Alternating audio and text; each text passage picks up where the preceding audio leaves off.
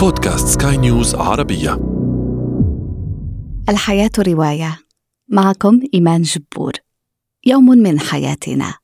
قد لا يقع فيه أي شيء وقد يحدث كل شيء.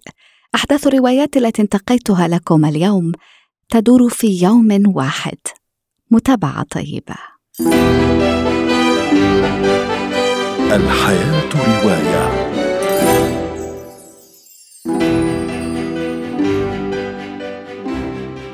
عقارب الساعة تدور ويمر الوقت سريعا.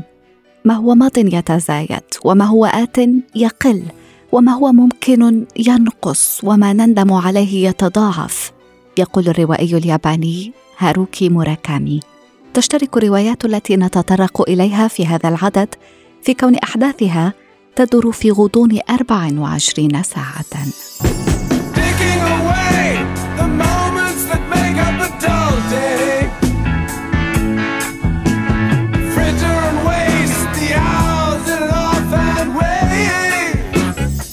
لندن بعد فترة وجيزة من الحرب العالمية الأولى.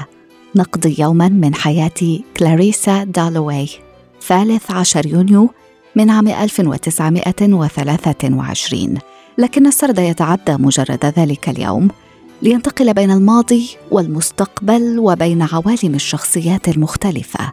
كلاريسا الشخصية الرئيسية تحضر حفل استقبال من أجل زوجها وفي غضون ذلك نحضر مساءلاتها الداخلية عن مدى صواب اختياراتها في الحياة على غرار قرارها الارتباط بريتشارد جالوي بدلا من بيتر وولش هذا الأخير يزورها بشكل غير متوقع ويعيد معه العديد من الذكريات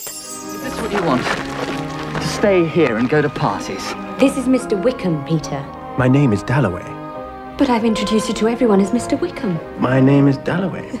My name is Dalloway. He makes me feel safe. Safe? Is that what you want?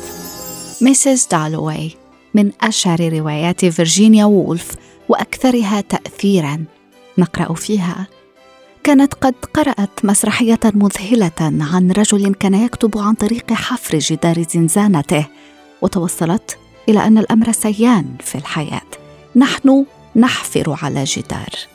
بسبب يأسها من العلاقات الإنسانية كانت في أحيان كثيرة تقصد حديقتها حيث تجد في أزهارها سلاما لا يستطيع منحها إياه أي رجل أو امرأة. وقصة 24 ساعة غيرت مجرى حياة. في لحظة اعتراف حميمة تستحضر خلالها سيدة مسنة يوما استثنائيا شهد ولادة شغف جارف وغير عقلاني لأرملة أربعينية وشاب يصغرها بعشرين عاما. صراع داخلي ينقله لنا ببراعة الخبير في التحليل النفسي. الروائي شتيفان شفيك يقول شفيك كل ألم جبان يتراجع أمام إرادتنا الهائلة في الحياة والتي تبدو أكثر رسوخا في أجسادنا من أي شغف فان في أرواحنا. 24 ساعة في حياة امرأة. في هذه الرواية القصيرة التي نشرت عام 1925 والتي أثرت كثيرا في فرويد يتفنن شفيك في التحليل النفسي لشخصياته في تحليل الحب من النظرة الأولى وإدمان القمار وأشياء أخرى. يوم سبت يبدو مثل يوم لا نهاية له وكأن كل ساعة تحتوي على 600 دقيقة. السبت للكاتب البريطاني آيان ماك إيوان 350 صفحة عن يوم واحد في حياة هنري. جراح الأعصاب الشهير الأب والزوج السعيد. مصمم على أن يكون هذا السبت ملاذا للسلام والمتعة الشخصية على الرغم من الفوضى التي تحيط به. يوم في مدينة لندن التي امتلأت بمليوني متظاهر خرجوا احتجاجا على الحرب في العراق. ليس لدى هنري أي نية للتظاهر يريد فقط قضاء سبت هادئ.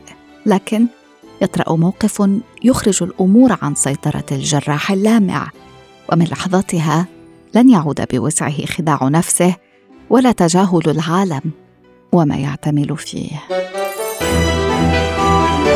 الحياة رواية. وأشكركم على طيب إصغائكم. لقاؤنا يتجدد في عدد مقبل. دمتم بخير.